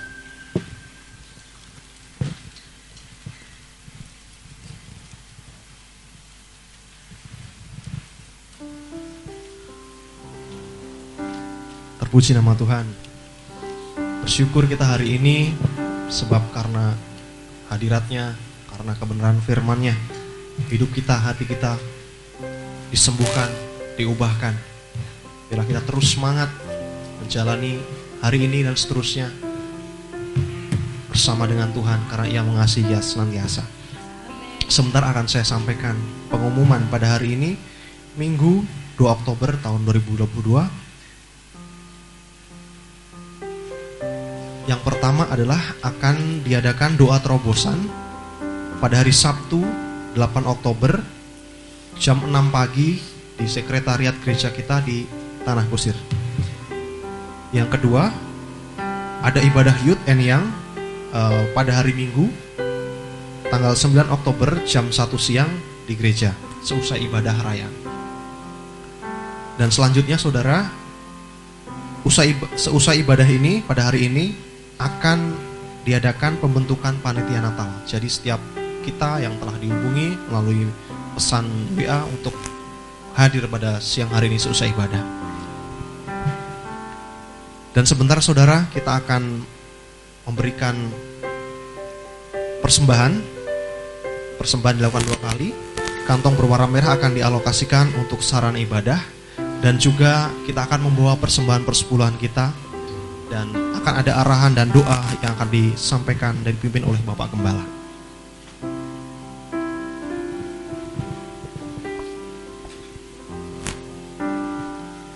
Saudara kita terus membangun sebuah budaya, membiasakan diri membawa persembahan dengan pengertian.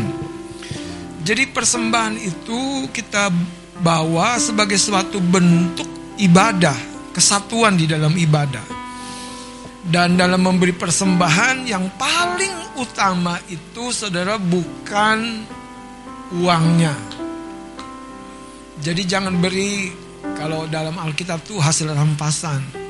Di, di kitab Malayaki pasal 1 kalau Anda baca teguran yang paling keras itu bukan untuk jemaat, bukan untuk umat tapi untuk pemimpin. Di pasal 3 sudah saya sampaikan.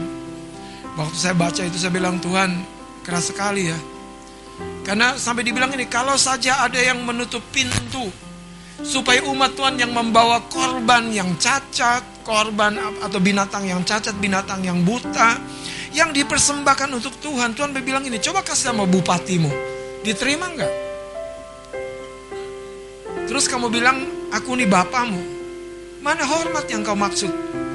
Saudara, itu ungkapan Tuhan dari hatinya.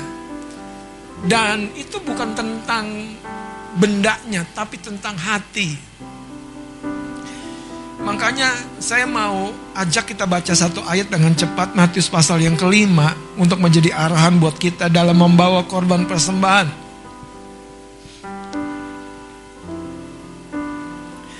Matius 5 ayat 23 Dan ayat 22 dulu dengan cepat Tetapi aku berkata kepadamu setiap orang yang marah terhadap saudaranya Harus dihukum. Siapa yang berkata kepada saudaranya kafir Harus dihadapkan ke mahkamah agama. Dan siapa yang berkata jahil Harus diserahkan ke dalam neraka yang menyala-nyala. Dosa kata-kata ya. Makanya siapa bilang jadi orang Kristen gampang? Siapa yang bilang? Lihat ayat 23 sekarang. Sebab itu dikatakan, jika engkau mempersembahkan persembahanmu di atas mesbah dan engkau teringat akan sesuatu yang ada dalam hati saudaramu terhadap engkau, tinggalkanlah persembahanmu di depan mesbah itu dan pergilah berdamai dahulu dengan saudaramu. Lalu kembali untuk apa? Jadi yang membuat persembahan kita cacat bukan uangnya, hati kita. Yang membuat persembahan uang kita cacat di hadapan Tuhan bukan uangnya, hati kita. Hati yang gak mau berdamai anehnya sama orang lain sama-sama. Hati yang masih tetap nyimpen marah, nyimpen kesel, nyimpen kecewa. Makanya jemaat Tuhan, biarlah kita jadi pribadi-pribadi yang sehat. Datang ke rumah Tuhan tuh tanpa tanpa gini, tanpa ketakutan. Aku memang lagi nggak punya, dan gak ada masalah. Anda nggak harus membawa persembahan, nggak harus. Tapi kembali lagi, persembahan itu adalah hati kita. Tuhan punya sedikit, engkau berikan yang dari yang sedikit itu Tuhan sangat disukakan oleh sikap itu. Amin. Tapi ingat saudara, dikit banyak itu relatif. Ada orang satu juta itu masih dikit. Makanya kita terus ngukurnya dengan tepat. Jangan Anda pikir Anda kasih 100 ribu udah banyak. Sorry ya, ini ngomong belak-belakan. Gak sebanding dengan gaji Anda. Beneran. Kan udah banyak banget 100 ribu. Padahal Tuhan teropong kan di Alkitab kan. Ibu janda itu. Beneran saudara. Lo itu di dompetmu. Masih banyak. Kau pikir 100 ribu banyak. Makanya kasih itu dengan hati. Jadi ngukurnya dari enak di hati. Sedikit nggak salah, banyak nggak sombong. Ya lo beneran. Nah saya berdoa korban kita akan disuk, menyukakan Tuhan. Tuhan berkenan kepada korban bersama. Sekali lagi nggak kasih nggak apa-apa. Jangan merasa bersalah. Ya. Dan Anda jangan jangan pasti gini. Aduh aku nggak enak hari ini nggak kasih persembahan. Nah itu bukan masalah yang pertama-tama. Tapi hatimu beres kan? Engkau nggak nilep orang kan? Punya orang ditilep. Enggak kan? Iya kan? Mari kita berdoa. Tuhan terima kasih. Beri hati kami jujur, bersih. Beri hati kami radikal dalam kebenaran dalam hati. Sehingga kami tidak lagi mengkompromikan hal-hal yang tidak perlu Tuhan. Karena persembahan adalah ibadah. Kami memberikan sebuah respek kepada Tuhan kami. Kalaupun kami membawa persepuluhan itu adalah sebuah ikat janji. Ajari kami tidak lalai. Ajari kami terus melakukannya dengan sikap yang benar, pengertian yang benar. Karena orang yang benar di hadapanmu, itu yang akan naik ke gunung kudusmu dan menerima berkat daripadamu. Kami mengucap syukur Tuhan berkati setiap anak-anakmu, pelayanmu yang menjadi perpanjangan tanganmu bertugas mengelolanya. Di dalam nama Tuhan Yesus Kristus kami sudah berdoa. Haleluya. Amin. Tuhan memberkati. Selamat memberi saudara dengan sukacita sembari kita memberikan persembahan kita. Kita angkat pujian yang berjudul Pujian Hana. Selamat memberi Tuhan memberkati. Tuhanku hebat, Tuhanku dahsyat. Tuhan membuat orang jadi kaya. Ia merendahkan, ia meninggikan, ia menegakkan orang yang hina. Ia mengangkat orang yang miskin, yang lembut hatinya dari dalam lumpur. Ia mendudukan orang pilihannya bersama dengan para bangsawan.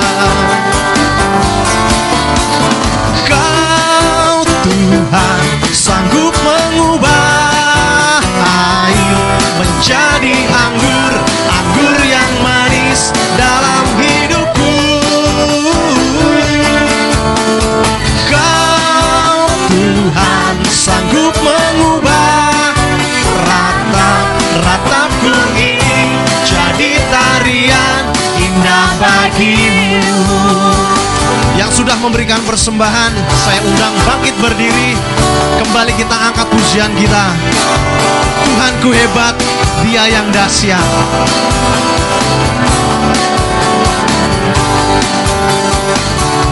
Tuhanku hebat, Tuhanku dahsyat. Tuhan membuat orang jadi kaya. Tuhan merendahkan, Ia meninggikan, Ia menegakkan orang yang hina. Ia mengangkat orang yang miskin, yang rendah hatinya dari dalam lumpur. Ia mendudukan orang pilihannya bersama dengan para bangsawan. Kau Tuhan sanggup mengubah air menjadi anggur,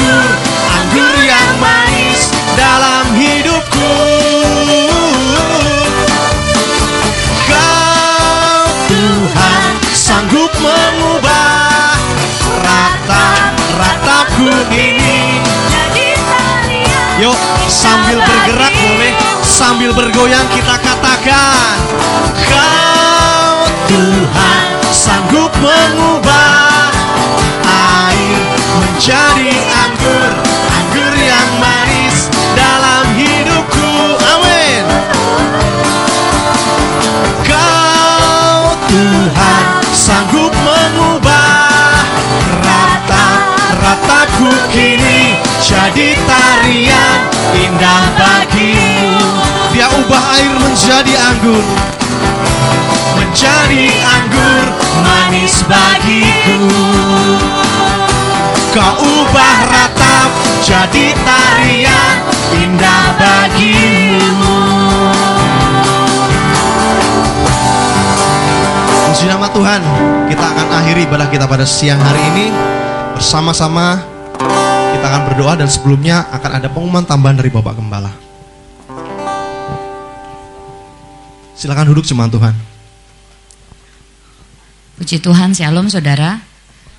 Eh, kita sedang menghadapi eh, minggu-minggu yang luar biasa dan dengan sukacita Kristus pada hari Rabu kita sudah bersama-sama dengan keluarga Bapak Aditya sebagai tim manajemen di tempat ini mengantarkan ayah terkasih ke pemakaman ke tempat peristirahatan terakhir.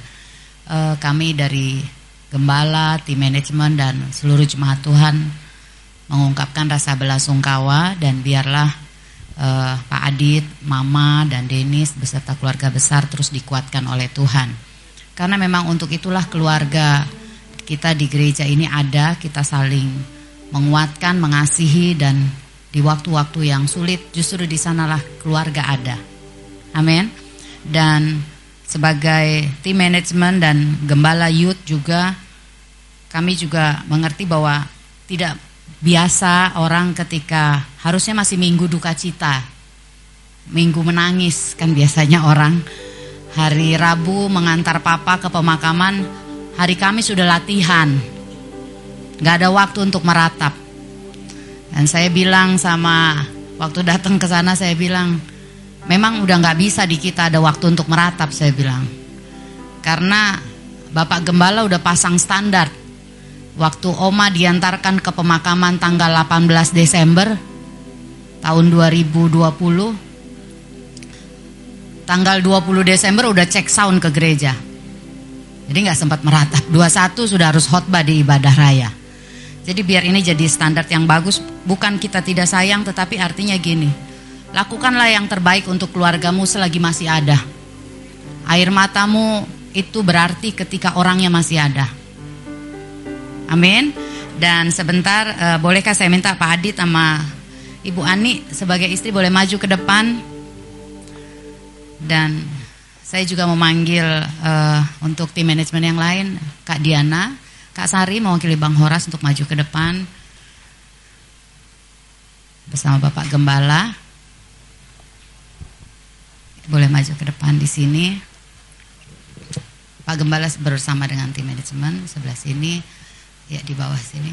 Nah, kami memberikan eh, tanda kasih dari jemaat dan eh, seluruh orang-orang yang mengasihi di keluarga GPI Kemah Pujian. Jangan lihat isinya, tapi lihatlah jumlahnya. Biar karena kita tahu sama tahu. Oke.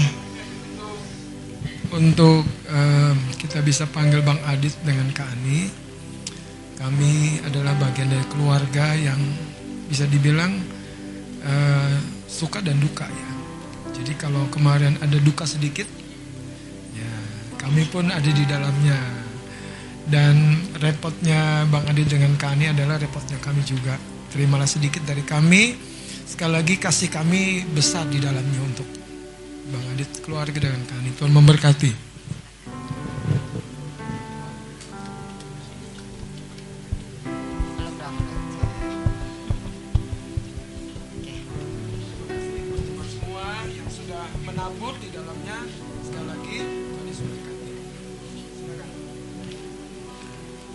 Lagi nih. Oke, terima kasih buat segala perhatian, segala kerelaan Bapak Ibu saudara-saudari sekalian. Papa nggak sama-sama sama saya di tempat ini tapi kasihnya berasa buat Papa. Jadi biar semuanya hanya menceritakan tentang pertolongan Tuhan buat kehidupan kami sekeluarga. Kalau tadi kakak bercerita, ya gak ada minggu berduka, ya baru berasa. Ternyata saya juga punya hati dan rasa. Artinya, ya ada momen-momen tertentu, kadang di mobil, di jalan, ya teringatlah bahwa saya juga ngerasain kasih Bapak lewat kehidupan Bapak kok. Jadi biar setiap kita yang masih memiliki hal yang kita bisa lakukan sebagai sebuah penghormatan kepada orang tua ataupun orang-orang yang kita kasihi sekali lagi lakukan selagi masih bisa, selagi masih ada waktu. Biar itu semua jadi kekuatan buat setiap kita. Tuhan Yesus memberkati.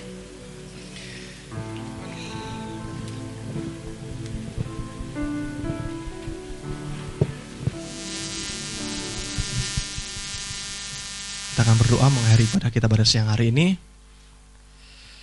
Tuhan Yesus terima kasih buat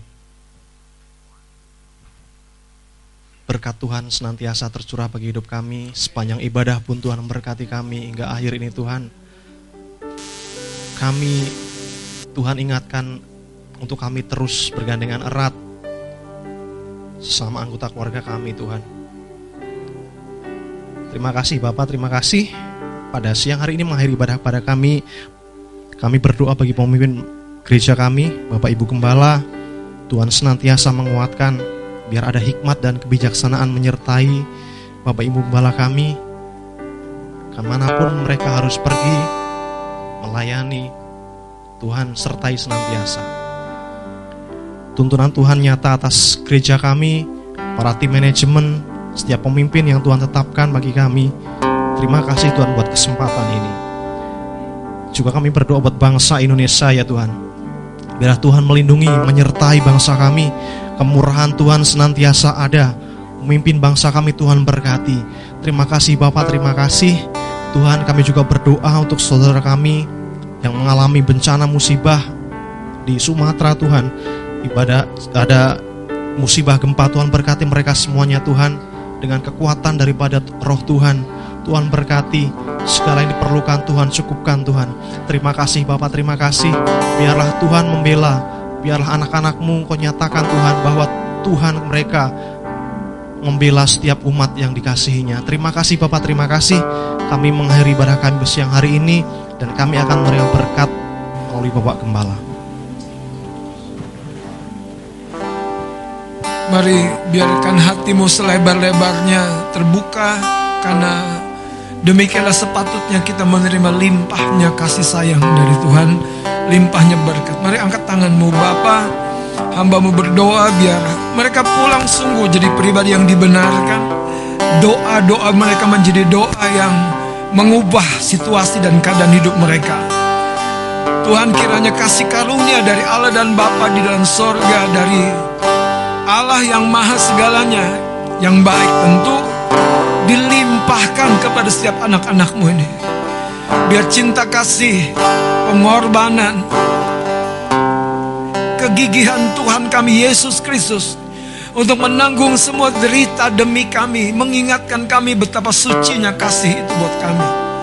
Dan terima kasih untuk rohmu yang kudus yang sudah kau berikan, membimbing, menuntun, mengurapi setiap kami mulai hari ini sampai selama-lamanya Maranatha Tuhan Yesus datang pada kali yang kedua menjemput kita yang percaya di awan-awan di dalam nama Tuhan Yesus Kristus. Dan semua kita yang diberkati dan percaya katakan sama-sama amin amin. Tuhan Yesus memberkati. Selamat hari Minggu saudara, Tuhan Yesus memberkati.